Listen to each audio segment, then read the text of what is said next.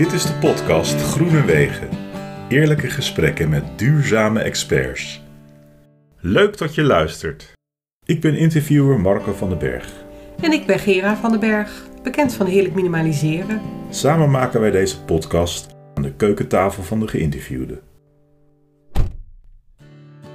Vandaag gaan we naar Manu Buschots. Hij is socioloog en oprichter van Klimaatgesprekken en de Deep Change Academy.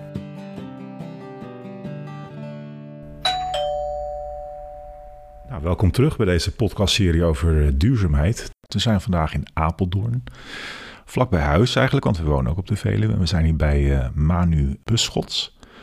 Leuk dat we hier uh, bij jou thuis in de woonkamer uh, mogen zitten Ja. en dat we dit gesprek kunnen opnemen. Je bent uh, bekend van uh, ja, klimaatgesprekken, maar je doet nog veel meer. Dus we willen Mhm. graag alles over je weten. Sowieso leuk dat mijn eh, woonkamer nu een, een studio is geworden. Ja. Ehm, ik, eh, ik hou van afwisseling, dus om mezelf voor te stellen, dit is ook weer een stukje afwisseling en avontuur. Ja, Ehm, ja, zal ik kort bij het begin beginnen of wat ik nu doe? Wat, eh, ja nou, ik, ik laat het maar even aan jou. Oké. Ja. eh, dan begin ik gewoon bij het begin. Eh, niet een ellenlang verhaal, maar het is wel leuk om te weten dat ik in Zeeland ben opgegroeid. En de tuin van mijn ouders, dit sowieso al een grote tuin was, die grensde aan een bos. Dus ik ben echt een bosjongetje. Tot mijn twaalfde was ik meer in het bos dan, dan nou, in huis, zeg maar. Ehm, later verhuisden wij naar, eh, naar een andere stad en je wordt natuurlijk ook groter. Maar ook daarin nog steeds wel eh, liefhebber van het bos en de natuur. Ehm, en dat, dat heb ik altijd meegenomen. Hè. Dus ik, in eerste instantie was ik vooral een liefhebber van de natuur. En later was ik pas bezorgd en in actie voor de natuur. En daaruit is dan inderdaad voortgekomen dat ik verschillende dingen heb gedaan. Ik, eh, ik, ik ja, doe dingen binnen GroenLinks, eh, klimaatgesprekken opgericht, eh, de Deep Change Academy opgericht. En eigenlijk stiekem nog een heleboel andere dingetjes. Waar je, nou ja, goed, hè, een keer een, eh, een klimaatmars helpen organiseren. Een van de eerste toen in Nederland. Eh mede-eiser van de Urgenda-rechtszaak. De dingen die ik zie voorbij komen. aandeelhouder bij Follow This. Om proberen vanuit de aandeelhouders.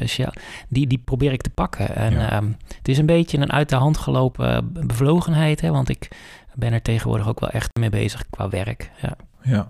En als ik jou dan introduceer als nou ja, bekend van de klimaatgesprekken, Mhm. is dat dan iets eh, dat bij jou het gevoel oproept, daar doe je me tekort mee? Nou, ik, ik ben natuurlijk ontzettend trots eh, op en heel blij mee dat het zo groot is geworden. Maar ik, ik ben inmiddels niet meer actief bestuurder bij klimaatgesprekken. Dus ja, ik wil ook voorkomen dat, eh, dat ik dingen ga vertellen waar de bestuurders en hè, alle bevlogen die nu ehm, nog, nog een aanvulling op zouden willen doen. Omdat het verhaal gewoon verder gaat. Ehm, en inderdaad, ik ben ook nieuwe dingen gaan doen. Dus ja. Ja, precies. Nou, goed om rekening mee te houden. En ook voor iedereen die dit luistert, eh, om ook breder naar jou te kijken en naar dat wat je doet. Ik vind het wel mooi de, de nuance die je maakt, eh, of de nuancering die je maakt. Dat je zegt, ik ben eh, als kind heel erg in de natuur geweest, liefhebber. En later is dat veranderd in, nou ja, bewogen met het klimaat en Mm. d- daar iets mee gaan doen. Kan je een moment aanwijzen waarop je zegt van ja, toen drong tot mij door dat ik daar Ja. iets mee moest. Hè? Dat daar meer bezig Ja. was. Ja, er waren denk ik twee momenten. De eerste was eh, toen ik echt nog dat eh, bosjongetje was. Toen hoorde ik vaag op de achtergrond de volwassenen of het jeugdjournaal of wat dan ook praten over zure regen en over het gat Oh, in de ozonlaag. En toen dacht ik wel van wat, Eh, weet je, kan het ook stuk gaan of kan er ook iets misgaan? En, en nou, zeker zure regen was heel concreet. Hè? Dat, dat, dat, dat tastte de bossen aan, dus dat, dat vond ik best heftig. Maar al ja, vrij snel had- dacht ik, eh, za- zag ik dat mensen ermee bezig waren. Zag ik dat er actie op werd genomen. En dat, eh, dus die eerste schrik, daar ben ik van bekomen. Ehm, en de tweede schrik was eigenlijk veel groter en daar ben ik nooit van bekomen. Daar ben ik nog steeds mee bezig. Dat Ja. was het zien van een inconvenient truth, hè, de ongemakkelijke waarheid van Al Gore. Ja, Ah, ja, toen, dat was 2006, toen dacht ik van oké, dit gaat dus niet de goede kant op. Het heeft ook risico's om een soort kantelpunt te bereiken, dat het niet meer kunnen herstellen en terugdraaien. Ja. En sindsdien heeft het me echt bij de keel gegrepen. Wat kan ik doen? En is dat dan ook iets wat je dan direct gaat delen met je omgeving? Of heb je daar zelf eerst over nagedacht? Van wat betekent dit? Wat betekent dit voor mij? En wat betekent dit voor, voor mijn leven en de keuzes die ik ga maken? Ja, een Inconvenient Truth was eh 2006 en eh 2007 werd ik coach. Hè, dus ik, ik ging ook gewoon vanuit de studie sociologie steeds weer stappen maken in mijn carrière. Ehm, dus de eerlijkheid gebied te zeggen dat ik ook opgeslokt werd door dat nieuwe vak wat ik aan het leren was, wat ik dan ontzettend tof vond. Ehm, dus ja, ik heb daar wel reflectie op gehad. Want als je leert coachen, dan moet je ook steeds weer opnieuw gaan reflecteren. Waarom doe jij eigenlijk de dingen en hoe zit dat met drijfveer en opvattingen en overtuigingen? Ehm, ja, en in de nabijheid heb ik het er wel over gesproken. Ik heb het zeker met mijn vrouw gedeeld. Ehm, ik ben zo gelijkgestemden gaan zoeken. Dus, hè, dus een van de stappen daarna was inderdaad van... goh, zou het dan voor iets voor mij zijn om iets met een politieke partij te doen? Hoe voelt dat voor mij? Eh, kan ik Ja. daar een rol pakken die bij me past? Ja. Uh, dus daar kwamen wel wat gesprekjes uit. Maar het, het, was nog niet iets wat ik toen aan de grote klok uh, hing. Nee, nee, nee. In hoeverre heeft jouw studie bijgedragen aan dat wat je nu doet? Kan je daar iets over, uh, over Nou, zeggen? heel erg, denk ja? ik. Ja? Oh, ja, misschien wel op twee manieren. Um, ik ben eigenlijk begonnen met economie. Gesprekken gehad met mijn moeder en met de decaan in studietest enzovoort. En dan kwam dan uit van, ja, jij wil iets doen met mensen en organisaties. Nou, ga maar economie doen. En ik werd gillend gek, want ik dacht, het heeft helemaal niks te maken met mensen. Nee, nee. Een soort aannames werden gemaakt over mensen, dat ze alleen maar op de winstmaximalisatie bezig zijn. Dan kon je dat in een model gaan zitten uitrekenen. Dus ja. toen stond ik een soort van voor het blok. Wow, ik heb net uh, deze studie gekozen, ik ben net naar deze stad verhuisd, maar dit bevalt helemaal niet. Um, ik ben toen uh, gaan oriënteren en ik merkte dat sociologiecolleges, ik had er twee gevolgd. Ik dacht, oh, dit is thuiskomen, dit is interessant, dit is ook hoe ik naar de wereld kijk en wil kijken. En dat leverde wel het vraagstuk op van ja, maar ja, economie is goed voor je carrière. En ja, krijg je, krijg je werk mee? En bij sociologie uh, is uh, misschien de helft werkloos na de studie. En, uh, en, toen heb ik het besluit genomen van ja, laat mij dan maar bij die 50% horen die wel werk krijgt en die zijn hart gewoon gevolgd heeft. Ja, ja. En, en dat is heel bepalend geweest ook voor alle andere dingen die ik verder in mijn leven ben gaan doen. Want ik kreeg uiteindelijk een soort van gelijk. Ik heb dat afgemaakt en ik ben nooit uh, werkloos geweest. Ik ben nooit of nooit zorgen te maken over uh, mag ik genoeg dingen doen en krijg ik daar geld voor. Ja. um, dus nou ja, naast de inhoud van de studie, want dat is natuurlijk het tweede hoe het me gevormd heeft. Uh, was dat ook een hele belangrijke levenservaring. Als je iets echt klopt ja. uh, en jouw passie brengt... en, en, en nou, ik merkte ook dat de studie me vlot afging... Ja. Um, dan komt het wel goed. Ja. ja. Bij sociologie gaat het natuurlijk altijd ook over groepen, over grotere eenheden als het ware. En als het dan gaat om klimaat of over duurzaamheid, over nou, hoe, waar bewegen we naartoe en wat is er nodig om misschien de, Ja. de goede verandering uh, door te maken, ja, dan, dan heb je daar ook mee te maken. Dus ik dacht, ja, die, die raakvlak is er zeker. Terwijl ja, bij, bij sociologie niet altijd direct aan duurzaamheid wordt gedacht. Nou, het was ook niet mijn eerste associatie. Dus Nee. ik denk er eerst naartoe gegaan vanwege... ja, ik wil gewoon begrijpen waarom mensen doen wat ze doen. Uh, er was geen psychologie in Rotterdam, dus ik had wel al nou ja, een kamer en een vriendenkring opgebouwd enzovoort. Dus ik, ik dacht, nou, sociologie is ook gewoon prima. Ja, Achteraf, helemaal terugkijkend, had het misschien beter psychologie geweest. Maar aan de andere kant, sociologie geeft wel, en, en, neemt wel die grotere vraag mee. Hè? Dus niet waarom doe jij uh, wel of niet duurzaam, maar echt waarom doen wij wel of niet duurzaam. Mhm. ja, En uh, dat heeft mij uh, uh, ook een feest van herkenning gegeven. Hè? Dus toen ik uh, op zoek ging naar een antwoord op de vraag van waarom doen we massaal niet goed, nee, niet genoeg? Hè? Waarom lopen we naar achter, terwijl er toch uh, nou ja, mogelijkheden zijn en kennis hierover? Toen ben ik een boek gaan lezen en dat had precies die vraag. En dat boek was van uh, Per Espen Stoknes. Ja, dat, dat is een mix van sociologie en psychologie. Nou, die sociologie herkende ik meteen uit mijn studie. Die psychologie herkende ik uit de coach- en trainingservaring... van hè, wat mensen individueel nodig hebben voor gedragsverandering. En dat was zo raak dat ik dacht van... oké, okay, Ja. dit, dit, hier, nu weet ik wat ik kan gaan doen. ja mooi. Um, ja. Ja. En nog even het haakje naar je jeugd. hè, Want je vertelde, je groeide op in Zeeland. Uh, en ik zijn toevallig net uh, een weekendje daar geweest. Uh, we komen daar graag. Ja. Maar het is ook een bevolking die nou niet meteen bekend staat als het meest veranderingsgezind, zullen we maar zeggen. Ja. Als je daarop reflecteert, wat zegt dat over jouw vorming? Wat heb je meegekregen als kind als het daarom gaat? Ja, het is wel mooi. eh, ik, ik lag een beetje uit herkenning, want ik weet, ehm, ik ben, eh, toen wij drie waren, ben ik eh, naar Zeeuws-Vlaanderen verhuisd. Ehm, en wij woonden dus een aantal jaren toen ik bij een vriendje over de vloer kwam. En toen eh, was de vraag van, van wie zeg jij erin? Oh ja. En toen was het, eh, hoe bedoel je of zo? Eh, en, oh, oh, oh, de busschots. Oh ja, dat zijn die nieuwe mensen.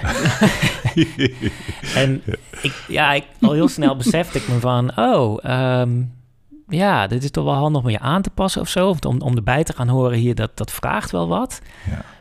Ehm, dus, dus ja, dat, dat heeft me wel alert gemaakt op dat, dat, nou ja, dat, dat met niet altijd iedereen hetzelfde staat in verandering en dat Nee. aanpassing soms nodig is in verandering, of dezelfde taal leren spreken. Ook letterlijk, want ik had best nog wel een Vlaams accent. Mijn ouders zijn Belg, dus ja. eh, nou, eigenlijk tijdens mijn basisschooltijd ben ik dat accent een beetje gaan omgooien, omdat ik merkte van uh, anders hoor ik er niet bij. Ja. Ja, ja dan was je al uh, vroeg met de groep bezig, hè? Ja, maar daarom was sociologie ook thuiskomen. Dat ik denk, ja. oh ja, steeds dat in de gaten houden. Wat zijn hier de normen? Hoe ga, hoe, ja, hoe, ja, ik vind het wel mooi, hè? want we hebben het eigenlijk nu over twee dingen. Je hebt het over de sociologie en je hebt het over de psychologie. Nou, het, wat ik net al zei, het ene gaat meer over de groep en over het geheel... en het andere meer Mhm. over wat het individu doet. Dat breng je dan blijkbaar bij elkaar, hè? ook Ja. in dat wat je doet, ook in je werk nu. Wat spreekt je dan toch het meeste aan? Ehm, Oh, ik kan niet kiezen. Nee? Nee, nee dat, dat zie je ook terug in eh, wat ik eh, met de meest recente initiatief, de Deep Change Academy. Daarbij wil ik mensen individueel begeleiden op hè, hoe kan jij meer verschil maken, maar wel meegevend van de- het belang van de context. Hè? Dus, dus de, de definitie van de grondlegger van de sociologie ehm, heeft het zeg maar tastbaar gemaakt. ehm, waarom een vakgebied als sociologie bestaansrecht heeft, door een studie te doen naar zelfmoordcijfers. Je zou zeggen, zelfmoord wel of niet plegen is, een, is nou, het ultieme individuele vraagstuk. Ga je dat wel of niet doen? Dat gaat, dat gaat het zo over hoe jij in je vel zit, hoe je daarmee om wil gaan enzovoort. Maar hij heeft toen laten zien dat in een bepaald soort samenleving dat meer voorkomt dan in een ander soort samenleving, et cetera. Dus het rekening houden met de context, met de, nou, de groepsnormen, met de, met de mogelijkheden in de samenleving, de onmogelijkheden enzovoort, heeft ook heel veel invloed. Dus ik, ik combineer het juist heel graag. Ja. Het gaat en om het individu. Natuurlijk pleegt niet iedereen zelfmoord. Nee. Maar het gaat ook over het collectief. In bepaalde contexten, in bepaalde situaties, Ja. plegen meer mensen zelfmoord dan anderen. Ja. Zelf is natuurlijk een vervelend voorbeeld, maar het gaat, gaat ook op voor duurzaam gedrag en keuzes. En, Ja. ja. Het is inderdaad een vakgebied eh, waarvan je zegt, eh, daar kan je ook iets mee als het gaat om klimaat en om duurzaamheid. Ehm, je hebt de klimaatgesprekken, laten we het dan toch maar even over hebben, Mhm. de klimaatgesprekken naar Nederland gehaald, heb ik begrepen. Of, Ja. of hè, kan ik dat zo hard stellen, als het ware? Want je ja, dat is ja, het gewoon ja. heel letterlijk hoe het is gegaan. Ik las dat boek, dat, Mhm. dat stak me enorm aan. Ja. Eh, daar stond een kleine paragraaf in over, nou, al deze inzichten, als je die omzet in de praktijk en probeert toe te passen, dan kan je de- denken aan een methode zoals Carbon Conversations. Dat was één alinea. Ik meteen gaan googlen, Carbon Conversations, wat is dat? Kan Ja. ik contact leggen? En toen vroeg ik ze in het eerste mailtje van, eh, bestaat er al iets in Nederland? Doen jullie al iets in Nederland? En zo nee, kan ik het dan naar Nederland brengen? Zo is het gegaan. ja, maar wat was jouw verlangen dan om dat te doen? Wat had je voor ogen? Ja, ik denk meerdere dingen. Ehm, allereerst werd ik er zelf heel erg blij van. Ik denk, ah, zo, dit, dit kan ik, dit weet ik, dit snap ik. Ehm, dus ik wilde daar iets mee gaan doen. Ehm, vervolgens dacht ik ook wel van, ja, maar het is ook het goede moment en het is ook het goede middel om er iets mee te doen. Want ehm, het was ook de tijd dat er eh, verkiezingen waren ehm, en dat er in geen enkel verkiezingsdebat überhaupt het klimaat op de agenda stond. Eh, er werd toen nog gezegd van nou straks na de verkiezingen zal het klimaatkonijn wel uit de hoed komen. Dat bleek ook zo te zijn. Ja, Maar er werd gewoon niet over gesproken. Dus ik had ook als socioloog het gevoel dat ze met z'n allen een soort blinde vlek hadden. ah, ja, ja. Waar ik misschien wel iets mee kon doen. Ja, Ehm, dus ik werd persoonlijk enthousiast, maar ik werd ook als ik een beetje uitzoomde en keek naar het tijdsgevricht en de context, dacht ik, ja, we hebben het er niet over. Als we het er niet over hebben, kunnen er dus ook geen oplossingen, geen draagvlak komen, geen, niet gedeeld worden. Het is een enorm gemis. En wat ik, als ik nog verder ging kijken, eh, want dan komt ook een beetje de ondernemer en stratege naar boven. Ik was niet alleen enthousiast, ik ben wel vaker enthousiast, maar ja. ja, welke zaadjes kom je uit en geef je, hè, komen, geef je ook water en, en welke niet. Toen zag ik ook wel dat er een soort van eh, ruimte nog was in het groene landschap voor een positieve klimaatboodschap. Je had toch wel vooral Greenpeace en Milieudefensie en die allemaal zeiden, ja, het gaat hartstikke slecht en doneer aan ons als je wilt dat het beter gaat. ja. En ik dacht van, ja, maar wat nou voor mensen die zeggen, ik, wil- ik wil gewoon zelf iets gaan doen. Ja. Die, kunnen- die willen iets meer dan doneren. En wat nou voor mensen die een positief verhaal willen horen of ja. dus nou ja, naarmate ik er meer indook, naarmate ik er langer over nadacht, ik denk, ja, ja, ja, dit klopt allemaal. Eh, dus het is goed om, eh, om te gaan bouwen. Ja. Ja, mooi. Want ehm, eh, we zeggen in Nederland vaak, je kan erover praten of je kan iets gaan doen. Maar jij zegt, eh, het is goed om iets te doen, juist door erover te praten. ja, nou ja, het is natuurlijk ook mijn eh, va- vakafwijking. Hè? Dus, dus, dus praten is echt doen. Wij mensen zijn zulke sociale wezens. Er zijn hele leuke onderzoekjes over in de psychologie en ook in de sociologie. Wat gewoon laat zien dat wij risico's, en klimaatverandering en nou, biodiversiteit is natuurlijk gewoon een enorm risico dat nu gaan is. Die, die beoordelen we niet rationeel, die beoordelen we relationeel. Dus niet rationeel, maar relationeel. Hè? Met andere woorden, als hier zo direct rook onder de deur vandaan komt en jullie zien dat ik omkijk en vervolgens weer doorga met dit gesprek, dan is de kans heel groot dat jullie denken: oh, dat hoort er blijkbaar bij, of blijkbaar is het niet bijzonder genoeg Ja. of zo. En ja, en dat is wat ze met z'n allen aan het doen waren met de klimaatcrisis. Ja, Ja, we hadden het er niet over, dus er zal wel niks aan de hand zijn. Ja. Het, het sociale perceptiegedeelte is dus eigenlijk ook een enorm daad van verzet en bijdrage. Dus er is ook, nou, Catherine Hayhoe, die heeft er een mooie TED-talk over gemaakt van the most important thing you can do about climate change is talk about it. Dus alleen dat al was, was natuurlijk al een daad. Uh, plus dat er in de methode, en daar hou ik uiteindelijk ook wel van, ook best wel wat acties staan. Die zijn ook steeds uitgebreid. Dus we zijn echt begonnen met voetafdrukacties en nou, ook het gesprek als handafdruk. En die handafdruk is steeds belangrijker geworden, want je ziet ja, ook dat de tijd weer meebeweegt. Je kan nu makkelijker uh, gaan protesteren. De, eerste klimaatmarsen waren twee, 2000 mensen. Uh, wij waren toen, ik het mede organiseerde, heel blij als we de 10.000 zouden halen. ja. Nou ja, nu zie je dat Extinction Rebellion allerlei acties heeft waar je aan mee kan doen. Ja. Uh, klimaatmarsen die veel groter zijn als ze buiten corona om zijn. ja. Um, ja, dus, dus je kan uh, een heleboel doen. En je kan daar verschillen maken. Over die uh, protestacties of klimaatacties mm. kunnen we het straks nog even hebben. Maar ja. toch even nog terug naar die klimaatgesprekken. Uh, ik besef opeens, er zullen misschien mensen zijn die niet helemaal precies weten wat het is. Kan ja. jij dan toch in een paar tel even uitleggen wat ja. dat behelst, als het ware? Ja, ik vergelijk het dan maar met een cursus uh, tuinieren of een cursus yoga. Het is gewoon een cursus klimaatactie nemen, cursus klimaatvriendelijk leven en ook anderen daarbij betrekken. En dat is dan zes keer bij elkaar komen. En niet met het vingertje hè, van gij zult dit doen, maar meer met het onderzoek van... goh, wat vind je belangrijk aan je woning? Wat vind je fijn in je leven? Wat maakt je gelukkig in je activiteit? En dan steeds weer opnieuw, hè, zou er dan ook iets klimaatvriendelijks tussen zitten wat bij jou past? Of wat je zou willen uitproberen? Um, dus het is ja, in die zin echt een coachende methode en daarom sprak het me ook zo aan. Dat ja. ik dacht van ja, je, je helpt mensen om te reflecteren. Wat zijn je waarden en hoe kan je die nog meer toepassen in je dagelijkse handelen? Ja, en je kunt ook klimaatcoach worden, hè? Ja, dat zijn de mensen die de groepen begeleiden. Ja. Dus uh, daar is een driedaagse training voor. Uh, mensen vinden het vaak ook een hele fijne training, dat je dan beter begrip krijgt van ja, hoe zit dat nou precies met uh, wel of niet in actie komen. Hè? Ja. Dus uh, nou, ja, de mensen hebben daar vaak ook wel uh, last van. Hè? Van goh, mijn collega begrijpt me niet of mijn vriend begrijpt me niet. Of, ja. nou, en, en, je leert dan niet alleen die groepen begeleiden, maar ook de psychologie daarachter en de gespreksvaardigheden. Um, zodat er vaker een beter gesprek kan plaatsvinden. ja. Ja, en dan toch, het is niet om je uit te dagen hoor, maar um, stel ik heb echt helemaal niets met, tenminste ik zeg dat ik niets heb met klimaat of duurzaamheid, hè, want ik heb er natuurlijk heel veel mee. maar stel dat ik iemand ben die beweert dat ik daar niks mee heb ja. en ik krijg jou tegenover mij. Ja. Wat, of hoe probeer je mij dan te triggeren om daar dan toch over na te denken? Ja, het hangt er ook vanaf op welke toon en welke manier je dat zou zeggen. Hè? Dus is het al een reactie op of niet? Maar laten we even uitgaan van een soort nul situatie. dan zou ik in eerste instantie nieuwsgierig zijn. Zeg ze van, goh, maar wat, wat, wat houdt jou bezig? Wat vind jij belangrijk?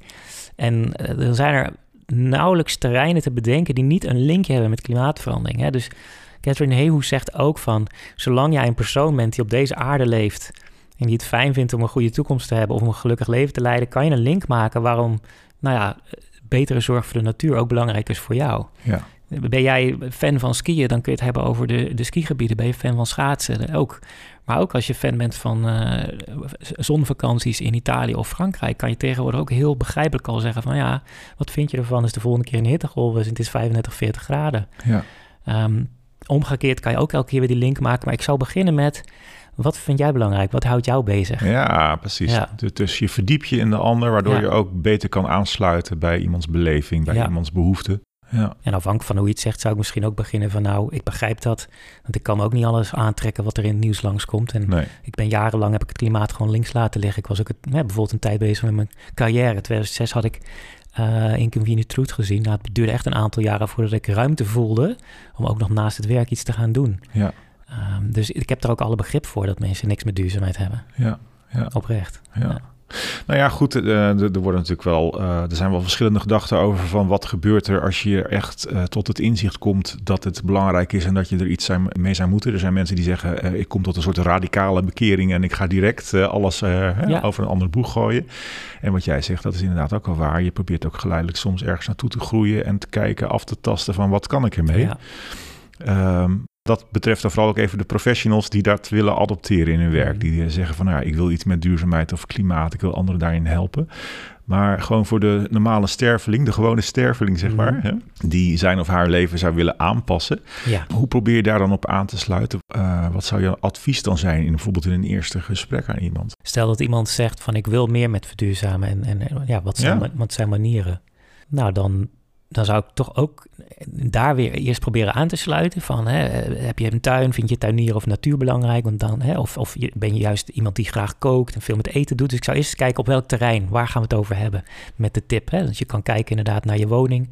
Sommige mensen houden heel erg van techniek. Dan kan je kijken naar, eh, joh, gratis dingen die je, dan kan je je ramen isoleren of je gordijnen wat eerder dicht doen. Eh, nou, isoleren is trouwens niet gratis, maar eh, de gordijnen dicht doen, daar zat ik aan te denken. Ja, Ehm, het laaghangend fruit Het eigenlijk. laaghangend fruit, precies. Ehm, ja, d- er zijn zoveel mogelijkheden. Er is bij klimaatgesprekken zo'n zo'n werkboek wat meer dan 150 acties heeft die je, die je kunt aantikken of, of niet. Ja, mooi.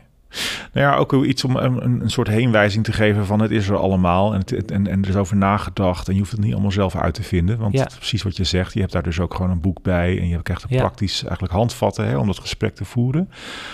Ehm, en is dan ook het idee dat je dan ook met je buren daarover gaat praten en met mensen in je familieleden? Is dat ook wat jij dan eh, adviseert? Of zeg je nou, probeer het vooral een paar straten verderop met mensen die je misschien iets minder goed kent? Hè? Zo. Ja. Nou, als je de, de tips van een goed klimaatgesprek eh, eigen hebt gemaakt, dan zou je met iedereen daar een gesprek over kunnen hebben. Want dan leer je ook wel het op het goede moment te doen, op de goede manier te doen. En eh, nou, fijn af te sluiten als, als, als blijkt van, goh, maar er is geen aansluiting, hè, of er is Mhm. geen behoefte aan. Wat ik wel grappig vind, is ik heb, wij hebben hier ook een mooie straat en we hebben één keer per jaar hebben een straatfeest. En bij het afgelopen straatfeest merkte ik dat iedereen wel bezig was met zonnepanelen. Wij waren een van de eerste in deze straat en nu merk je dat nou, bijna elk dak eh, begint te komen. En in eerste instantie ging het gesprek over, ja, je bent tegenwoordig dief van je portemonnee, want energiecrisis en dit en dat. Dus dat was een beetje het, het vertrouwde, bekende terrein, laten we maar zeggen. En ik, wat ik leuk vond, is dat ik toen, toen aan eh, toegevoegd heb van ja, tuurlijk, dat is ook inderdaad eh, echt wel aan de hand nu. Maar wij doen het niet alleen voor het geld. We zijn ook jaren geleden mee begonnen, ook voor de duurzaamheid. Hè? We hebben ook drie kinderen. Ja. En toen in één keer merkte dat er een soort deur open ging. En dat meer mensen zeiden, ja, nee, natuurlijk, nee, ja, die doet het ook Ja. daarvoor enzovoort. Dus ja, het is een beetje dat weten hoe je zo'n gesprek als het ware in, in oh ja, een beetje ombuigt of in goede banen leidt. Ja. Dat ik het in dit geval echt helemaal prima en zelfs superleuk vond om het met de buren te bespreken. Ja. Ehm, want ze hadden ook, weet je, het had ook een opmerking kunnen geweest zijn die dood was gevallen. En dan, Ja. dan had ik eh, nog geen bel aangelopen. Dan hadden we gewoon een gesprek gehad over zonnepanelen. En ik heb mijn puntje daarin toegelicht en klaar. Ja. In dit geval werkt het echt verbindend. Nou, ik ja. vind het wel mooi wat je zegt, want eigenlijk komt het dus ook neer op timing en context. Ja. Hè? En dus, dus je um, neemt de gelegenheid te baat om daarover te praten, maar Mhm. het is niet dat je daar nou hè, op voorhand helemaal eh, van uitgaat dat je het er over Ja. gaat hebben, maar je tast dat wat af. Je denkt, hé, hier, dit kan een gelegenheid zijn om dat, eh, om dat gesprek eens aan te gaan. Ja. Ja. Ehm, is dat iets wat jij ook gewoon in, de trein doet? Op heel veel andere plekken waar mensen misschien ehm, vooral met zichzelf bezig zijn. Dat, je- dat je om je heen kijkt en denkt van nou, ik probeer op die manier iets bij te dragen. Nou, ik, ik ga niet zo snel treingesprekjes aan. Nee. Ik ben vaak eh, eh, ja, bezig met andere dingen. Maar ehm, wat ik wel leuk vind om te merken, ook sinds dat we 2016, hè, dat klimaatgesprek begon, is dat ik vaak merk dat andere mensen erover beginnen. Dus dan krijg je ze al eh, van, joh, ik ben weg geweest met vliegtuig. Ja, is niet, niet, niet goed voor mijn vloeg- voetafdruk natuurlijk. Of dan, ik heb er ook wel een beetje vliegschaamte over. Dus ik denk, goh, ik, nou, mensen weten het soms ook niet van mij, hè, want ik ben dan trainer in een nieuwe context. Dus ze kennen niet per se mijn, mijn achtergrond. Ehm, maar ik vind het leuk dat andere mensen er ook al over beginnen. Dus Ja. dat, ik, ik heb het idee dat eh, het erover hebben ook minder spannend is dan vroeger. Ja. Ehm, er meer haakjes zijn om het te kunnen over hebben. Ja. Ehm, ja. Ja, ik weet niet of je dat herkent, maar dat, dat herken ik ook wel een beetje van Gera, mijn vrouw, hè, die hier ook aan de tafel zit. Ehm, eh, die eh, hangt dan het minimalisme aan. Hè? Mhm. Ik ook, maar goed, zij draagt dat nog veel actiever uit. Ze heeft ook haar werk daarvan gemaakt. En dan eh, is het ook iets wat heel erg aan haar kleeft. Hmm. Dus ze komt ergens, gaat het over spullen, over opruimen, over ontspullen, consumeren. Überhaupt gaat het over duurzaamheid. Dan wordt meteen in de hoek gekeken waar Gera zit. Hè? Alsof het haar onderwerp is. Dat ik Ja. denk, nou nee mensen, daarom zei ik net ook van het is iets van ons allemaal. Hmm. Hoezo heb ik er niks mee? Natuurlijk, iedereen heeft iets met duurzaamheid en klimaat. Herken je dat? Dat je dat als het ware als een soort magneet opzuigt of aantrekt. Ja. En dat dat ook altijd iets van jou vraagt. Terwijl je zou willen dat het wat van jou afleidt. En dat anderen zich ermee bezig gaan houden. Het is sowieso natuurlijk fijn als anderen zich ermee bezig gaan houden. En af en toe inderdaad lastig dat het dan eh, eh, aan, aan mij kleeft. Ehm, ik weet nog wel in het begin, toen, toen ging ik dus veel meer mee doen. Uh, toen leefde mijn moeder ook nog wel. En toen, toen zei ze op een gegeven moment... hey Manu, dat klimaat van jou is op het journaal geweest. van jou? Ja, En toen dacht ik, oh, het is mijn klimaat. Ja, notendep. Ja, dat, maar Nederland leeft ergens anders, weet je. Ja, dit is de spijker op zijn kop. Ja, ja fantastisch. Ja, ja, dat is precies, precies wat ik bedoel. Ja. Maar dat je dus niet de stap kunt maken, hè? tenminste, dat is niet om haar kwalijk te nemen. Nee, nee. ik vond het wel komisch hè, dat, ja. dat, het zo beleefd kan worden. Ja, die zegt komisch, maar het is ergens ook alweer de, de tragiek van dit thema, dat het soms uh, geadresseerd lijkt te worden aan mensen. Terwijl ik denk, nee, het is iets van ons allemaal. Kom op. Ik vind dat, ja, nee, maar dat, ik herken dat heel erg, maar ik vind dat juist een hele leuke uitdaging. Ja? Om het, om het zo te, te brengen, te doen, te, dat het van iedereen wordt. Hm. Mhm. Ehm, en en nou, dat soort gesprekjes heb ik ook wel. Hè. Dus dan, als ik merk dat mensen er een beetje voor openstaan of al zorgen over maken, ja, dan pak ik ook door. Hm. dan, dan, denk ik van, nou, wat, wat weet je er al van? Hè? Weet je, wat denk jij dat we anderhalve graad nog gaan halen? En wat is eigenlijk de betekenis van anderhalve graad enzovoort? En dan, hm. ja, dan, dan zie ik uh, echt wel kwartjes vallen en, en ja. ja. mensen aangezet worden. En dan denk ik, ja, gaaf. Dan wordt het klimaat meer van iedereen. ja. En uh, ik denk dat ik het antwoord al kan raden, maar ik stel de vraag toch. We in deze serie hebben we het ook regelmatig gehad over van in hoeverre kun je de feiten ook gebruiken om uh, mensen te waarschuwen, misschien mm -hmm. zelfs een beetje bang te maken. Ja. Is dat een, is dat een um, aanpak die jij zou prefereren? Dat je zegt, nou ja, pro probeer mensen ook gewoon eens wat te waarschuwen door uh, nou ja, hen flink met de neus op de feiten te drukken. Ja, nou, je kunt het antwoord al raden, inderdaad. uh, dat werkt niet. Nee? Oh. Um, want, omdat wij sociale dieren zijn, ik heb er straks al iets over gezegd, hè, dus communicatie verloopt via relatie. Op het moment dat ik jou niet leuk vind, ga ik jou ook minder betrouwbaar vinden, ga ik minder openstaan voor wat je überhaupt te zeggen hebt, ga ik mm -hmm. kritischer worden. Er zijn ook hele leuke onderzoekjes naar dat hè, dezelfde boodschap door twee verschillende mensen gebracht wordt en dat je ziet dat mensen heel anders reageren. Um, dus communicatie en, en relatie heeft met elkaar te maken. En, en, en ook het hart en het hoofd hebben een bepaalde manier van met elkaar samenwerken. En dat betekent dat uh, veel mensen wel de ervaring hebben van... ja, maar dit feit heeft mij veranderd. Ik ook. Hè. Ik heb in één keer Venus Roots gezien en bam, het raakte mij en ik ging ja. ermee aan de slag. Ja. Maar dat was omdat ik open stond voor slecht nieuws. Dat was omdat ik de natuur lief heb. Ja. Als ik er niet open voor sta en er niks mee heb, gaat, het, gaat dat een heel ander effect hebben. Dus ja. um, ons, ons hoofd is heel goed om argumenten te zoeken bij wat we voelen. Ja. En dat merk je in online discussies ook altijd. Dus dan is het van. Uh, uh, nou, soms heb ik een, een, een, post en die heeft dan veel reacties. En dan komen er ook altijd wel hè, zo één of twee mensen die zeggen van ja, maar het klimaat verandert toch niet. En hebben ze dan keurig een linkje bij gevonden. Ja, want hun hoofd helpt natuurlijk hun uh, om informatie of feiten, feiten hè, tussen aanhalingstekens te, te vinden, ja. die passen bij hun mening, ja. uh, hun angst voor een ecodictatuur of hun mening van uh, dat het allemaal overtrokken is, want ze willen zich niet gealarmeerd voelen. Nou, allemaal begrip voor waar dat vandaan komt. Ja. Maar heel grappig ook wel weer om te zien van, oh ja, en je hebt gewoon jouw hoofd laten werken om de feiten erbij te zoeken, zodat, zodat het allemaal weer klopt. Ja, precies. ja. Mooi. Hey, als we even een stapje maken naar wat je uh, nu aan het doen bent. Hè? Mhm. Mm -hmm. um, je zei net, in 2020 was dat, hè, dat je ja. de Deep Change Academy hebt uh, opgericht. Wat doet die Academy en ja. wat betekent die hè, in dit hele verhaal? Ik liep steeds vaker in, in groene kringetjes rond of ik had een inspiratiesessie gegeven en dan in de pauze of na afloop zeiden mensen, ja, prachtig verhaal, maar eigenlijk moet het natuurlijk veel sneller gaan. Of ja, ik kan dit nu wel vinden, want die zat dan in de zaal, maar mijn collega's vinden dat niet. En hoe krijg ik die nou mee? En toen dacht ik, ja, het is wel goed als je, als je dit zo informeel vindt, dat ik ook voor die professionals wat ga bieden. Om echt door te pakken. Um, dus ik dacht van ja, waarom niet? Ja, en dat heeft ook veel te maken met uh, nou ja, mindfucks. Hè? Van ja, het is niet mijn rol of wat zullen ze wel niet denken. Um, uh, soms ook met vaardigheden. Dat, nou, ja, bij klimaatgesprekken kan je een hoop leren over klimaatcommunicatie. Maar ik heb nu ook een losse training klimaatcommunicatie 1... waar een deel van klimaatgesprekken gedachtgoed in zit... maar ook weer nieuwe dingen. Klimaatcommunicatie 2 gaat nog weer een stapje verder... ook in de persoonlijke reflectie. Maar wat heb jij nodig om oprecht te kunnen luisteren... om oordeloos te kunnen luisteren... om geduldig te zijn met dingen die frustreren enzovoort.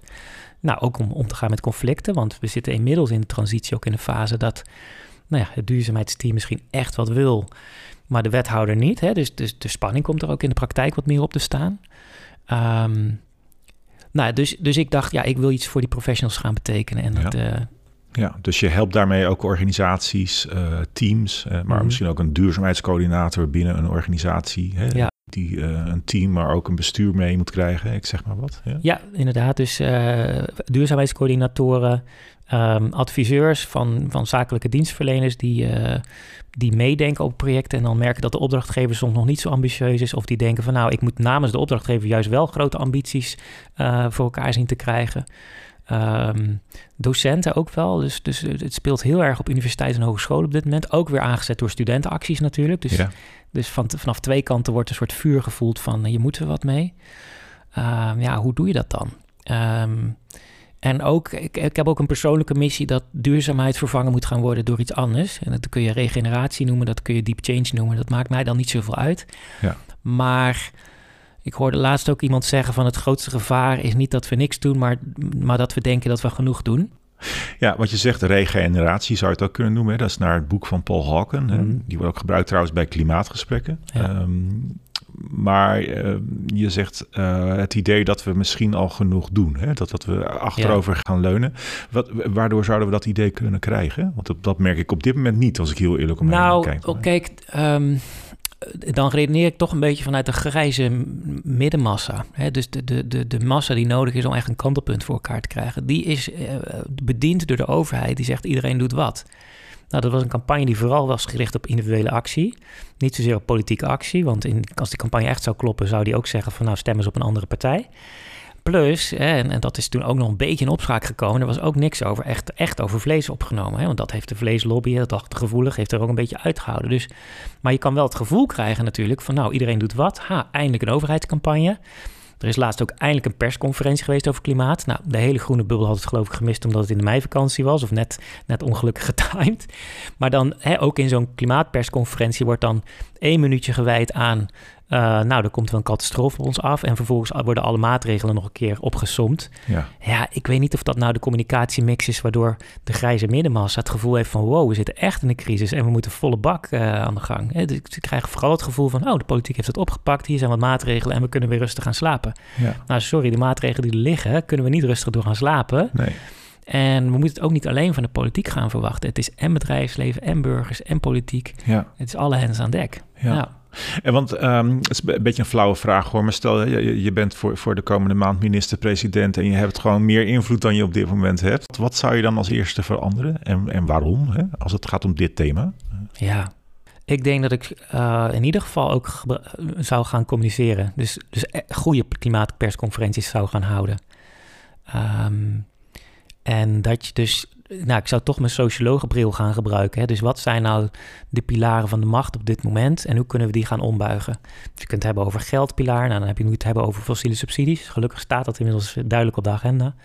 Maar je kunt het ook hebben over cultuur als pilaar van de macht. Nou, dan moet je het hebben over uh, nou, overheidsboodschappen zoals een klimaatpersconferentie, maar ook over regulering van hè, verleiding, eh, reclames, fossiele reclames. Um, je kunt het hebben over, over onderwijs, dus op, op cultureel gebied kan je ook een heleboel dingen gaan doen. Um, maar weet je, dit is zo'n grote vraag en zo'n complex. Dus ik zou met een sociologenblik gaan kijken naar de pilaren van de macht. Dat is ook iets waar in de Deep Change Academy het over hebben. Hè? Dus dit is het speelveld, dit is de dynamiek, dit is hoe systemen werken, maar ook hoe ze kunnen veranderen. En dan vervolgens de zoektocht als Deep Change Maker. En wat is jouw plekje? Ja. Hè, dus welk terrein spreekt je aan, welke rol spreekt je aan om dan, om dan beweging te gaan bevorderen? Ja. Ja, dus... Uh... Nou ja, ik denk ook even aan Kees Klomp. Die zit ook in deze serie, um, mm. econoom. En die heeft het over de betekenis-economie. En die zei ja. tegen ons, ja, we hebben een ander verhaal nodig. Een ander, ander narratief. Hè? Ja. En misschien wel meerdere. Hè? Uh, omdat je gewoon met nou ja, meerdere transities tegelijk uh, te ja. maken hebt. Ja. Ja, de, ook eens. Hè? Dus je, sowieso BNP is natuurlijk, het gaat goed met de economie. Ja, dat is een slecht verhaal. Ja. Um, want we nemen een heleboel indicatoren niet mee. Um, en, en, nou ja, dus, dus daarin anders meten, maar zeker ook een ander verhaal waar, waar we het dan op hangen. Of waar we binnen het plaatsen. Ja. ja. Ik vind het wel mooi dat jij het, goed, dat was ook wel enigszins te voorspellen, dat we, dat we het over communicatie zouden hebben als we hier aan tafel schoven. Maar dat dat zo belangrijk is, daar wordt denk ik toch te makkelijk overheen gekeken. Ja? En uh, dat we er toch te veel van uitgaan dat de feiten of uh, de handelingen, hè, uh, de acties die we ondernemen, de percentages die we stellen, de Mm. doelstellingen, dat die het uiteindelijk wel zullen doen. Terwijl Ja, en een heel ja. stukje wordt vergeten eigenlijk, toch? vaak zijn ze ook gekoppeld aan een impliciet verhaal. Hè? Dus de, de groeicijfers zijn natuurlijk gekoppeld aan een impliciet verhaal van uh, zolang we meer produceren of meer werkgelegenheid creëren, is dat goed. En Hm. dat, dat verhaal, dat, dat, dat, dat kan je op meerdere manieren onder, uh, ondermijnen nu. Ja. Um, maar ik vind het ook enorm op het potentie. Want mensen vragen mij wel eens van... Ja, wat is er nou voor nodig om iedereen mee te krijgen? Maar iedereen is al lang mee. Iedereen is al dagelijks verhalen aan het communiceren. Hè? Dus Hollywood blockbusters, Netflix-series... Uh, social media, Instagram stories enzovoort. Wij zijn ontzettende verhalende wezens. Ja, precies. Um, dus ook heel mooi dat, hè, om, om hier nu in een podcast te zitten. Want de kans dat mensen meegenomen worden in een verhaal... Uh, is veel groter dan wanneer ik... Dat merk ik ook bij LinkedIn posten. Dus ik, als ik het feitelijk doe, krijg ik deze reactie. Als ik verhaal doe, krijg ik deze ja. reactie. We zijn Ja. verhalende wezens, dus de potentie is enorm. Als we een nieuw verhaal hebben... Ja. en als we ook veel bewuster die kracht van verhalen inzetten... Om de cultuur te veranderen. En ja, dan zijn we vervolgens kuddedieren... en doen we gewoon de gemakkelijkste weg. Ja. Dus het is nu een soort van tegen de stroom in, uh, af en toe. Maar als die stroom veranderd is, dan... Ja, Ja. Mooi. Eh, Als we het verhaal even terugbrengen op jezelf en Ja. op wat jij hier doet met je gezin, met, met drie kinderen, die wonen nog thuis? Of, Ja, Ehm, 9, 11 en 13. Dus, 9, eh, 11 en 13. Oh, wel mooie leeftijd. Ja. Ja. Eh, praten jullie hier aan tafel veel Ja. over deze onderwerpen? Ja, dat is soms ook wel een beetje opletten geblazen. Mhm. Uh, want ik deel ook graag de dingen waar ik van schrik of waar ik van geïrriteerd ben. En dan moet je soms ook een beetje afvragen van ja, hoe klinkt dat in kinderoren? Dus we maken er geen geheim van. Hè? We, we zijn ook met de kinderen wel uh, naar klimaatmarsen geweest. En je ziet het natuurlijk sowieso op het jeugdjournaal enzovoort. Ja, dus, dus ja, we praten erover. Ik, ik heb een, uh, komt veel in mijn werk terug. En mijn vrouw werkt ook aan duurzaamheid sinds een jaar of twee, professioneel. Um, dus het komt terug, ja. Ja. En het is niet een thema waar ze vermoeid van raken. Zo van, daar gaan we weer. Hè? Uh. Nou ja, kijk, de oudste is uh, aan de puberteit begonnen. Ja. die, die, is vermoeid van alles. Succes! ja. Maar de jongste is wel grappig, want die heeft uh, twee keer een brief geschreven naar de minister. Op, op eigen initiatief. Hè, van mag ik een brief schrijven? Kun je mij helpen? Ja. Wauw, ja, mooi. En die is ook nu bezig met het afronden van groep 8. En er was een soort verkiezingje van, uh, nou, welke klasgenoot ga je later nog iets van horen? En toen is zij verkozen tot uh, het meest waarschijnlijk om ooit nog een beroemde politicus te worden. Kijk, dus weet je, bij haar past het helemaal ja. Ja. om hier juist wel niet vermoeid van te raken, maar aangestoken door te raken. En Mm. uh, Ja. ja. Nou ja, goed, omdat we het ook over gesprekken hebben. In hoeverre heb je daar tips voor? Wat kunnen ouders met jonge kinderen nou Mm. doen om dit thema op de Ja. goede, hè, ik maak even aanhalingstekens, Ja. op, op de goede manier uh, aan te pakken? ja, daar heb ik me ook wel eens in verdiept. Hè. Ook, ook, ook natuurlijk voor ons eigen gezin. Mhm. En um, um, ja, het is belangrijk om aan te sluiten bij de handelingsmogelijkheden en, het wereldbeeld van het kind. Um, dus, dus een kind tot, tot zes jaar moet je het niet hebben over uh, andere politieke partijen of, of uh, systeemverandering, maar vooral over, nou, zullen we dan samen even het afval opruimen? Het is gewoon tastbaar dicht bij huis. Bij, bij pubers is dat weer anders. Dan gaat het juist interessant om ergens tegenin te gaan of een beetje Um, en wat ik wel mooi vond ergens in die, in die verdieping, dat, um, dat ik ook las van, ga ervan uit dat jouw kinderen de vragen stellen waar ze zelf al aan toe zijn. He, dus je moet ergens ook als ouder aftasten van eh, bijvoorbeeld door te zeggen van, joh, hebben jullie het daar wel eens over? Houdt het je wel eens bezig? Dat, die vraag die stel ik af en toe gewoon aan mijn kinderen. Ja. Omdat ik weet dat ze nou, op school misschien andere dingen horen. Op Jeugdjournaal zien we van alles. En dan gaan we ook niet bij elk item stilstaan van, wat doet het met je? Nee. Dus, dus dan, dan stel ik gewoon een algemene vraag. En op het moment dat je dan merkt dat... Uh, uh, nou, dat er een vraag komt of een bezorgdheid komt, dan is dat precies waar ze aan toe zijn om uh, ja. Ja, over te hebben. Mooi, want ik kwam net uh, rondom de klimaatgesprek ook al aan orde dat je zegt van wat is voor jou belangrijk Mm. en wat houdt je bezig. Eigenlijk Ja. zit dat een beetje in hetzelfde spectrum. Ja. Ja, mooi. Als het gaat om de jeugd, hè, ik denk heel vaak, uh, ik, bedoel, ik ben opgevoed met het uh, adagium, de jeugd heeft de toekomst. Uh, Mhm. En dan denk je, ja, waar, waar horen we dat nog? Hè? Want Ja. volgens mij zijn nog heel veel volwassenen zich best wel bewust dat dat perspectief wat somber is en de jeugd heeft de toekomst. Ja, Mhm. welke wereld laten we na voor die toekomst hè? Ja. En, en voor de jeugd? Wat geef jij jouw eigen kinderen daarin mee? Want het bedoel je altijd net over je dochter. Hè? Nou, die kan dan mooi de politiek in. Hè? Misschien wordt ze wel de eerste vrouwelijke minister-president. Mhm. Laten we het hopen dan. Maar welke toekomst schets jij voor je kinderen? En hoe houd je hoop, als het ware? Um, ja, ik probeer actieve hoop te houden. Hè. Dus op het moment dat we het over de toekomst hebben, dan probeer ik ook vooral aan te geven van, nou, er zijn een heleboel mensen mee bezig, wij ook. Het gaat niet hard genoeg op, dus op dit moment ziet het er slecht uit. Maar dat wil niet zeggen dat het er slecht uit hoeft te blijven zien. Het gaat om de vraag van hoeveel mensen gaan er, net zoals wij, hard mee bezig zijn. En daar werkt papa dan heel hard aan, Ja. en mama ook. Uh, dus, dus hoop niet als een soort van plaatje wat onveranderlijk is, uh, maar een plaatje waarin je zelf onderdeel van bent en waar we in ieder geval wij een rol in zetten. Dus ik probeer dat voor te leven. Um, hoe het is om verantwoordelijkheid te nemen en, en nou, ook wel eerlijk te zijn. Ja, je zegt het is nog niet zover, hè? Het is nee. nog niet uh, goed of iets dergelijks, maar het kan nog wel goed komen. Zo. Ja, kijk, goed komen, dat, dat, dat kan je al heel snel te plat opvatten. Mm -hmm. um, dus ik hou me meer vast aan dat de mensheid voor ontzettend hete vuren gestaan heeft. Hè. Dus wij zijn niet helemaal toevallig een paar weken geleden met de kinderen naar het Anne Frankhuis geweest. Om ze ook dat mee te geven. En hoe triest en hoe ongelooflijk naar die periode is geweest. En er zijn echt miljoenen Joden echt ontzettend naar behandeld en gestorven. Ook in die periode hadden mensen het op momenten goed. Ook in die periode was er liefde en werden er baby's geboren en gemaakt. Hè. Dus dat probeer ik ze mee te geven, dat hoe het ook gaat worden. Hoe slecht weten we niet. Uh, ik ben een, wat dat betreft een, nou, een optimistische niet-weter. Ik wist ook niet dat corona eraan kwam. Ik wist niet dat Greta Thunberg ging opstemmen. Ik wist niet dat klimaatgesprekken groot kon worden, et cetera. Dus er zijn een heleboel ontwikkelingen die we niet weten.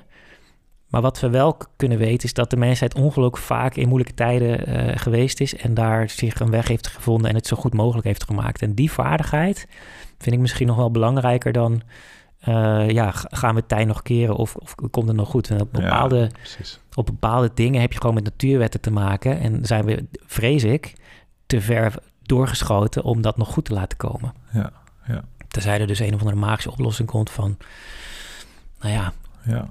Maar, je, maar precies, wat, wat je zegt. Weten. Nee, begrijp ik. Maar je, je, raakt dus inderdaad niet verkrampt door een fatalistisch gevoel van het heeft toch geen zin, nee. maar dat probeer ik nog wat van me af te houden. En tot die tijd maken we er het beste van. Nee, je zegt. Ja, het vermogen om er in alle tijden het beste van ja, te maken. Ja, precies. En dat, dat heeft ook de geschiedenis bewezen. Ja. Nou ja, en wij uh, wonen nu zes jaar in Apeldoorn. Mm -hmm. Dat hebben we mede gedaan omdat wij uh, de, de meest waarschijnlijke scenario is dat Nederland uh, last gaat krijgen van zeespiegelstijging.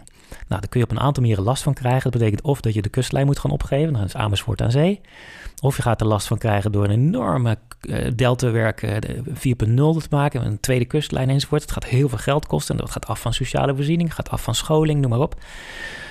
Nou, in dat hele scenario dat we of een nieuwe kustlijn hebben, of veel minder mogelijkheden hebben, dachten, nou, wij willen wel een huis kopen waar wij in ieder geval de komende decennia ons gerust over voelen. Waar wij kunnen wonen tot onze oude dag. En als de, woningnood hoog blijft of het, of het wordt allemaal ingewikkelder, ook onze kinderen nog in zouden kunnen gaan wonen. Dus wij zijn hier gaan wonen. Ja. Maar wilde daar niet stoppen. Want als je die redenering houdt, dan, dan, dan kom je in een soort kramp en angst terecht. Dus we zijn op, op zoek gegaan naar, oké, okay, dit houdt ons bezig. Maar waar kunnen we ook echt met plezier gaan wonen? Waar wordt het sowieso fijner wonen dan waar we nu wonen? Nou, heerlijke tuin hier. Iets groter huis voor dezelfde prijs als dat we in de Randstad hadden. Um, dus die balans tussen handel ik vanuit angst of handel ik vanuit vertrouwen, die proberen we wel altijd goed te houden. Ja. Um, want angst is een slechte raadgever. Ja. Um, dus nou ja, vanuit vertrouwen en liefde hebben we uiteindelijk dit besluit genomen. Ja. ja. Ja, en je zegt je laat je niet leiden door angst, maar toch is het wel een gegeven waarvan je zegt daar wil ik op anticiperen. Ja, we hebben het meegenomen. Hè, maar we wilden dat onderaan de streep we dit deden vanuit positieve afwegingen. Ja. Hè, dus, dus, dus ja, het, het, het zorgt ervoor dat wij ons daar minder mee bezig hoeven te houden. Met die zorgen en die angst. Um, maar als we hier alleen zouden zitten om die reden, maar het huis zou minder zijn, of, of we zouden hier geen werk hebben of wat dan ook, dan, dan ga je lijden aan die angst. Ja. En we zijn eigenlijk opgebloeid in die angst. Het was heerlijk om hier te wonen ja. uh, in coronatijd en we gewoon meer ruimte in het huis hadden en om ons heen. En ja, het is een goede stap voorwaarts geweest. Dus dat, dat, ja, dat is een, een, een zoektocht Ja. uh, die je op verschillende dingen kunt doen. Hè? Kun je ook genieten van duurzamer leven. Is dat ook niet iets wat uh, benut kan worden, of nog meer benut kan worden, Ja. ook in die communicatie waar we het over hadden? Ja, ja dat is dat? zeker waar. Hè? Je bent natuurlijk van het minimaliseren. Um, communicatietechnisch zou daar nog een verbeterpunt in kunnen zitten. Mhm. Want het is eigenlijk optimaliseren of het is geluk maximaliseren. Hè? Dus, dus er is heel veel psychologisch onderzoek wat Mhm. laat zien dat we helemaal niet gelukkig worden van spullen. Dat, we- nou, in mijn eigen leven had ik laatst ook van, zal ik een e-book nemen wel of niet? Nou, daar kan je heel feitelijk naar kijken van wat zijn de cijfers qua uitstoot. Heb ik ook wel even gedaan. Maar aan het eind van de dag dacht ik, ik heb het niet gedaan. Omdat ik te vaak van die frustratiemomentjes heb met computers, met telefoons, met, met techniek. Ja, Dat je denkt, oh, daar zit ik nu niet op te wachten. Het is stuk, ik weet niet hoe ik het moet maken en waarom deze update nou weer moet. Dat ik dacht, ja, weet je, uiteindelijk is boeken lezen voor mij ontspanning. En dan neem ik maar een iets zwaardere vakantietas mee. Ehm, nou, dat. Dus weer opnieuw vanuit positief en geluk kijken naar minder spullen en minder technologie. Dat heeft natuurlijk ook wel weer een afdruk, dus uh, ja. afdruk. Want dat herken ik nu in dit hele gesprek met je. Dat je elke keer zoekt naar dat wat ook dicht bij jezelf ligt. En dat dat de basis is voor de stappen die je daarna zet. Het feit dat je dan hier uitgerekend een huis koopt, getuigt ook van een, een, een, soort realisme dat we op heel veel plekken in de samenleving nog niet tegenkomen. Want dit, dit aspect speelt nog geen rol bij het verstrekken van hypotheken of bij de marktwaarde van een woning. Ik heb er nog geen makelaar over gehoord. Of, of jij wel? Helemaal waar. Het is alleen niet zo publiek bekend. Uh, verzekeraars zijn hun premies al aan het aanpassen. Oké. Uh, en ook de, ik weet niet welke bank, ABN AMRO of Rabobank. Ik hoorde het wel een beetje via via inderdaad. Komt niet groot in de media. Zijn ook bezig met hoe zit het met hypotheekverstrekking voor gebieden die nou ja, of last gaan krijgen van verzilting. Of uh, dus, dus eigenlijk in gebieden zijn gebouwd die, nou ja, hypotheken. Dus dat zijn lange termijn projecten. Dus de, de verzekeraars, de, de rekenaars voor, die zijn wel bezig met die tijdshorizon van 30, 40 jaar. Ja. Politiek niet, dus daar hoor je het niet. Nee. Daar Hugo de Jong, die, die wil gewoon bouwen als gek. Ja. Nou, maar dat is ook, we hadden het net over verschillende transities uh, die bij elkaar komen. Ik bedoel, die woningbouwopgave en uh, de woningnood is er ook gewoon. En je wil wel heel veel mensen een huis kunnen bieden. Dus je hebt heel veel plekken gewoon vol te bouwen hè, in de beleving van de politici.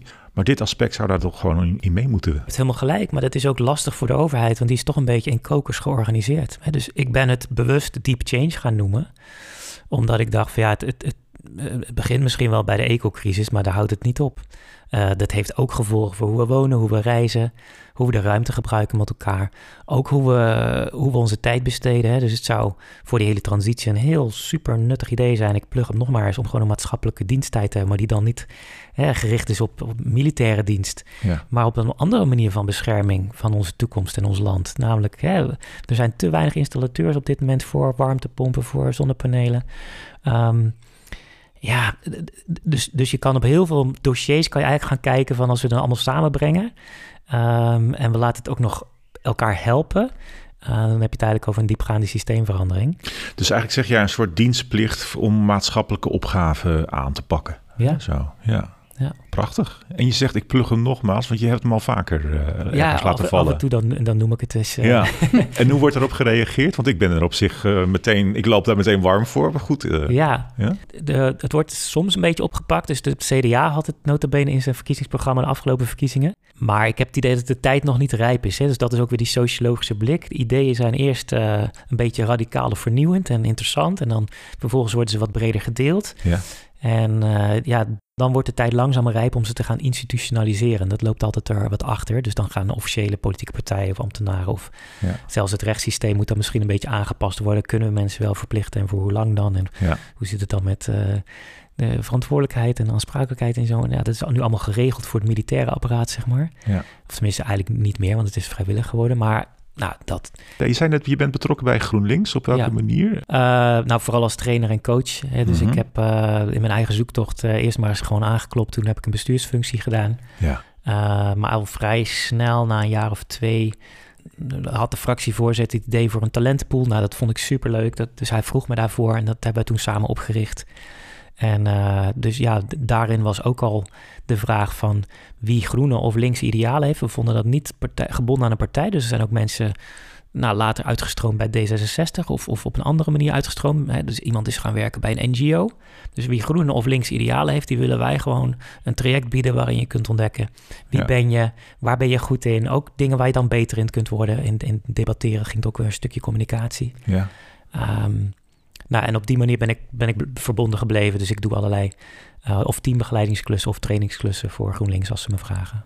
Mooi, want um, ook in deze serie zijn er wel meerdere mensen die zich daar enigszins wat over uitspreken. Zo van, ja, uh, ben ik politiek verbonden of mm. waar zou ik dan voor kiezen? Uh, nou, uh, Partij voor de Dieren komt ook regelmatig voorbij. Mm. Ook wel ChristenUnie, ja, ook wel D66. Ook lid van, trouwens. Partij voor de Dieren? Ja. ja? Oké. Okay. Dan ben ik toch wel benieuwd naar uh, hoe jij dat zou duiden. Kan je die vier een beetje uh, vergelijken met elkaar? ChristenUnie, Partij voor de Dieren, D66, GroenLinks. Uh, waar moet je voor wat zijn? Vind ik ook wel een spannende vraag, want dan ga ik daar mijn visie op geven en ik wil mensen niet van me vervreemden, zeg maar. Dus ik zou het liever in een gesprek doen. Um, maar wat ik, nou, zo objectief mogelijk hè, dan, wat ik zie is dat D66 vaker aan de knoppen van de macht zit, maar dan ook iets moet inleveren op duurzaamheid. Dus hun duurzame verhaal klopt, maar het wordt niet altijd in de praktijk gebracht. Ik denk dat daar best wel veel voorbeelden van aan te halen zijn. Um, Partij van de Dieren staat weer aan het andere uiterste. Um, hun duurzame verhaal is, is eigenlijk de meest gaat het over systeemverandering. Maar ze zitten heel weinig aan de knoppen van de macht. Dus het is ook een beetje een getuigenispartij. Hè? Wij zorgen dat dat geagendeerd wordt. We zorgen dat het net een stapje verder gebracht wordt. Maar het moet wel door anderen gebeuren. Dus dan heb je als kiezer altijd een soort indirecte invloed. Mm -hmm. Maar er wordt wel over gesproken. Er wordt wel over gesproken. Dus, dus qua communicatie ben ik... Ik ben sowieso blij met al die vier die partijen. Mm -hmm.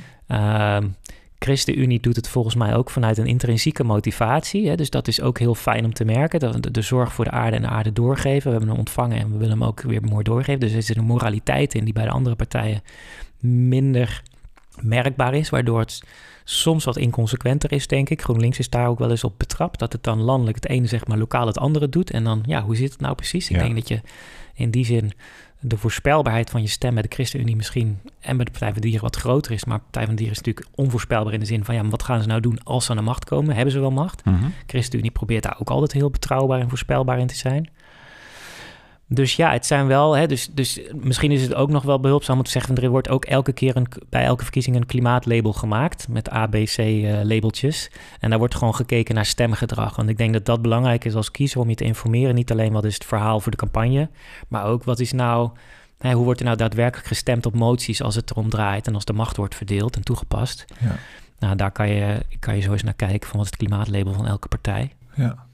Nou ja, ik, ik, ik vraag het je ook omdat we hadden het al even over klimaatacties en protestacties. Mm. Vaak zie je toch ook wel een koppeling tussen uh, dat wat in de maatschappij gebeurt. Een bepaalde opstand, die wordt uiteindelijk ook weer politiek gemaakt. Hè? Dat mm. de politiek dat adopteert en zegt, ja moet je kijken, op die plek clasht het en dat is niet voor niks, want dit leeft. Dus hier moeten we iets mee. Ja. Zie jij op dit moment ook die vertaalslag? Dat je zegt, de politiek uh, pakt dat goed op of kan dat veel beter? Hoe kijk jij daarnaar? Ik, ik zoom dan echt uit. Hè? Dus um, vanavond ben ik te gast uh, als panellid en dat gaat over de toekomst van het klimaatactivisme. En dan wil ik ook inbrengen als punt, ik denk dat de toekomst van het klimaatactivisme is dat er ook heel veel radicale dingen naast de snelweg gebeuren. Dus het is nodig om de politiek in beweging te krijgen om en die, ja, die politieke druk te hebben. Dus mensen op de straat, mensen met petities, et cetera. Maar het is ook nodig voor verandering dat er daadwerkelijk ambtenaren zijn die bepaalde vaardigheden hebben of lef hebben om het uh, ja, weer aan hun hogere ambtenaar uh, terug te koppelen. En um, kwam laatst ook een berichtje terug van iemand die bij XR een actie had gedaan, maar die werkte wel bij een waterschap. En ik heb ook uitgenodigd op LinkedIn, of misschien wel uitgedaagd, van ja, wanneer gaat wat, wat privé al uitgesproken wordt. Hè? Je werkt bij een waterschap en je weet dat het radicaal anders moet, ook, ook publiekelijk of officieel uitgesproken worden. Hè? Wanneer gaan de waterschappen ook duwen ja. uh, richting de politiek? Dus het is echt een complex samenhang van allerlei uh, actoren die uiteindelijk voor zo'n omwenteling uh, zorgen. Daar heb ik me ook in verdiept voor de Deep Change Academy. Ik denk, nou, hoe zijn nou andere grote maatschappelijke omwentelingen gebeurd? Hoe is de slavernij afgeschaft? Hoe is ja. apartheid afgeschaft? Hoe is het vrouwenkiesrecht er gekomen? Um, hoe zijn we van roken als, als de standaard, als roken en als de uitzondering gegaan? Ja. Dus er zijn allemaal cultureel-maatschappelijke bewegingen die iets tijd nodig hebben van cultuur, van politiek, van, van wetgeving. Nou, een heleboel dingen ook weer. Um, dus ja, dan uh, het is een beetje een, een, een, lang verhaal zo, maar ik kijk dus naar, de, naar, het ja. geheel. Ja. En jij zegt terecht ook, er is ook een hele groep ambtenaren. Er zijn natuurlijk heel veel, heel veel mensen die meewerken aan het beleid, daar uitvoering aan geven, ja. daar ook tegen in opstand kunnen komen. Maar toch hebben we het zo georganiseerd in dit land dat uiteindelijk het mandaat toch ook wel weer bij de politiek ligt. Hè? Dat is een beetje mijn analyse, is dat, dat ik denk van ja, waar blijven de heren en dames politici? Want waarom zo op de vlakte? Ja, dat heeft... Uh dat doet me denken aan een uitspraak van een Belgisch politicus die echt al 15 jaar geleden volgens mij zei van ik weet best wat ik moet doen aan klimaatverandering, maar ik weet niet hoe ik dan herkozen moet worden. Ja. Dus de cyclus van om de vier jaar herkozen worden is best lastig als het gaat om uh, moeilijke maatregelen die over de lange termijn gaan. Want, hè, want dan, dan, is het toch een beetje zo dat de pijn op de korte termijn zit en de baat op de langere termijn zit of wat indirecter zijn. Dus dat vraagt om een ander verhaal, om dat ook moedig in alle eerlijkheid te kunnen vertellen. Want nou, dat zie je natuurlijk bij het landbouw- en stikstofdossier, dat is decennia lang vooruitgeschoven. Ja, nu wordt het steeds pijnlijker voor alle betrokkenen. Ja. Um, Duurzaamheid wordt gegijzeld eigenlijk door het feit dat we het politiek gezien op deze manier geregeld hebben. Dat je eigenlijk maar in sprints van vier jaar ja. elke keer je dingetje mag doen. Maar het is eigenlijk te kort om te zeggen we gaan voor continuïteit en dit is de lijn. En ik word daar niet direct op afgerekend. Ja, dat zie je ook terug. Uh, in uh, nieuwe ontwikkeling van burgerberaden. Vind ik ook heel leuk om daar een bijgedragen te, te, kunnen hebben. Want één iemand die mee heeft gedaan in de Deep Change Academy is ook gaan werken bij zo'n burgerberaadclub. Um, want die komen dus met hele andere initiatieven.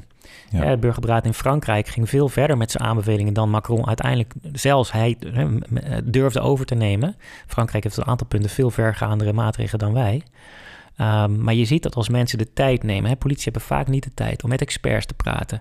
En vervolgens ook alle mm, verschillende wereldbeelden en voorkeuren bij elkaar te leggen. Hè, want zo'n zo'n burgerberaad is zo'n ja, selectie van de samenleving.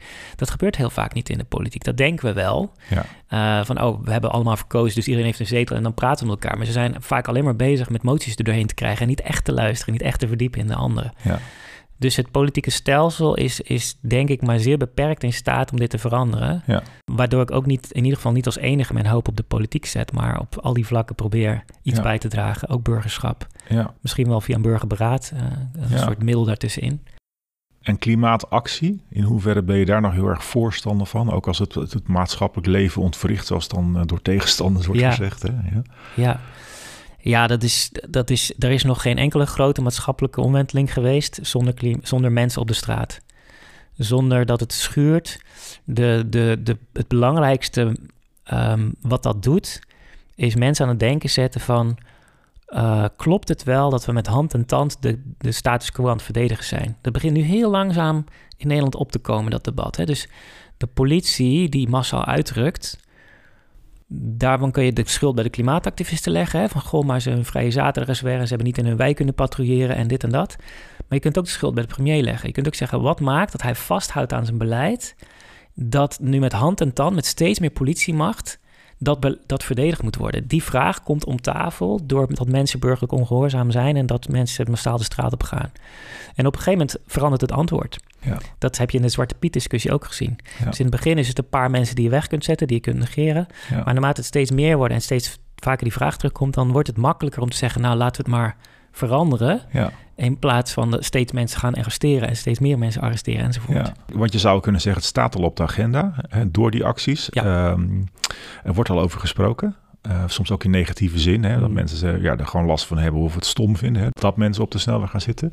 Maar in dit geval zeg jij eigenlijk tellen dan de aantallen toch wel. Zeker. Hoe meer mensen hier aan, aan, deel gaan nemen, hoe, meer die, hoe groter die druk wordt om te zeggen van ja, hier kunnen we niet van wegkijken. Het is heel praktisch iets. Hè? Dus nu zijn er 1500 mensen gearresteerd. Mm Hoeveel opvangplekken heb je? Hoeveel bussen kun je regelen? Hoeveel, hoeveel rechtszaken kun je voeren? Nou, daarvan is nu al gezegd, dat gaan we gewoon niet doen. Dat, dat, dat belast onevenredig ons rechtssysteem. Ja. Dus op het moment dat die druk van de aantallen groter wordt, komt er ook op allerlei andere plekken tegendruk. Dat die politieagent denkt van, nou ja, moet ik helemaal uit Limburg komen? Hebben jullie geen mensen dichterbij? Ja, want de anderen zijn op. Dat die officier van justitie denkt, hey, ik heb nog meer rechtszaken. Maar is dit nou echt zo belangrijk? En bovendien ben ik het eigenlijk met ze eens. Dus die aantallen die leveren op een gegeven moment een systeemdruk, dat het huidige systeem er niet meer aan kan. Nou, dan heb je dus een keuze te maken. Ja. Maar even ter afronding van het gesprek, want ik vind het wel heel mooi dat we heel veel verschillende thema's in dit gesprek hebben aangeraakt. En ook fijn dat je je daarvoor laat lenen en mhm. geen vraag uit de weg gaat in dat opzicht. Uh, maar om het toch weer even terug te brengen op jezelf en op jouw missie. Waar ga je de komende tijd mee bezig? Waar wil jij je tanden inzetten? Uh, kan je ons daarin ook even meenemen, misschien nog inspireren? Hè? Ik ben eigenlijk bezig met een rebellenleger aan het bouwen. Een rebellenleger? Een soort stiekem klimaatactivisten die steeds openlijker klimaatactivist zijn. Niet per se door op een snelweg te gaan, mag ook, maar het is is echt een van de, een van de mogelijke middelen. Oké. Dus mensen die in burgerberaad gaan. Uh, Margot Ribberink is, is alumnus van ons, hè, die, die na tientallen jaren het weer... De weervrouw, hè? Ja. Het weer presenteren. Ook gewoon nu eens een keer uh, vanuit wat ze al jaren oprecht gelooft en ziet... Uh, zich laat lenen voor een milieudefensiecampagne. Van, ja. van, dus mensen die die, die die plek der moeite durven op te zoeken. En die daar ook door gesteund worden door anderen. Ja. Uh, dat is waar ik de komende jaren hard voor ga maken. Ja. Een soort van, uh, ja, positief. Want dat is, ja, rebellenleger kan ook negatief klinken. Ik wou het zeggen, het, heeft meteen een soort negatieve associatie. Een clubje misschien, ja, ja. positiever. ja denk ik aan. En dat soort ja, ja. ja, maar zeker. Maar dan, dan op een positieve manier ontwrichten. En, ja. Ja, ja. Ja, een zakdoek voor je, voor je mond. Oké, oké. Uh, okay, Traangas. het wordt een, ja, Gideons Bende wordt ook wel Gideons band is ook mooi, ja. ja. ja. Maar goed, maar eh, je bedoelt het positief. Je wil het inzetten voor de goede zaak. En leger wil niet zeggen dat je militant wordt. Juist niet, maar je wil wel, je wil wel denk ik... Met kracht en positiviteit. Kijk, wat je nu ziet, en, en dat, is, dat is een voorteken daarvan... is dat conscious quitting of climate quitting... en dat mensen het een beetje klaar mee zijn om een soort bullshitbaan te hebben... terwijl ze dus in privé-tijd merken van... hé, hey, dit raakt me, dit vind ik belangrijk. Mm In hun werktijd steeds meer het gevoel hebben van ik draag daar helemaal niet aan bij. Of sterker nog, ik, ik, ik vererg het probleem. Ja. Nou, dan is één manier om, om zeg maar met z'n allen proberen de overstap te maken. Maar een andere manier is natuurlijk met z'n allen ook proberen die systemen te veranderen, zodat je eraan kunt blijven werken. En nou, allebei kan, kan van waarde zijn. Hè? Dus ik heb nooit van tevoren zoiets als ik iemand begeleid of in een training heb van, nou, dit moet je gaan doen. Maar wel van, nou ja, wat is voor jou nu de beste stap? Is dat uit het systeem stappen? Ben je een bouwer? Wil je bij een NGO? Wil je eh, iets gaan verzinnen? Of wil je een andere club groter maken die al bestaat? Ehm, of ben je iemand die, ja, die nog mogelijkheden ziet en die ook van dat vak houdt wat je nu hebt of de kennis en, en die dan binnen het systeem gaat veranderen. Maar wel die positieve verandering. Als het maar jou blij maakt en ja. Precies, ja. Het klinkt een beetje als op een groene manier empoweren. Hoe kun je iemand meer in zijn kracht zetten? Het zijn allemaal clichés natuurlijk, maar goed, dat is wel, uh, ja. Ik wil wel delen voor iedereen die luistert. Het is mij ook niet zomaar in één keer gelukt of zo. Dus, dus blijf proberen, blijf onderzoeken. Uh, zoek, zoek anderen op als je het even niet meer weet. Want voor je het weet, denk je dat het maar voor een aantal mensen is weggelegd. Nou, ik ben echt helemaal niet zo bijzonder hoor. Ik ben gewoon iemand die, die doorzet omdat hij bevlogen is. Uh, en heb met struikelen en vallen en opstaan. Hè, dus klimaatgesprek is ook niet in één keer opgericht. Uh, ja, ik, ik, las dat boek en daar stond die methode in beschreven. Maar daarvoor was ik al met Climate Coach for You bezig. Ja. ja dat was het gewoon nog net niet. Dat was niet af genoeg of zo. Nee. Um, dus dat wil ik eraan toevoegen aan dit verhaal. Ja, het is een messy uh, proces en uh, ja, gun ja. jezelf stay in there. Ja. Nou, bedankt voor je eerlijke verhaal en voor het mooie gesprek. En ja. uh, we zoeken je graag weer op voor een volgende ah, sessie. Oké, okay. okay. met de rest van de podcast. Joep.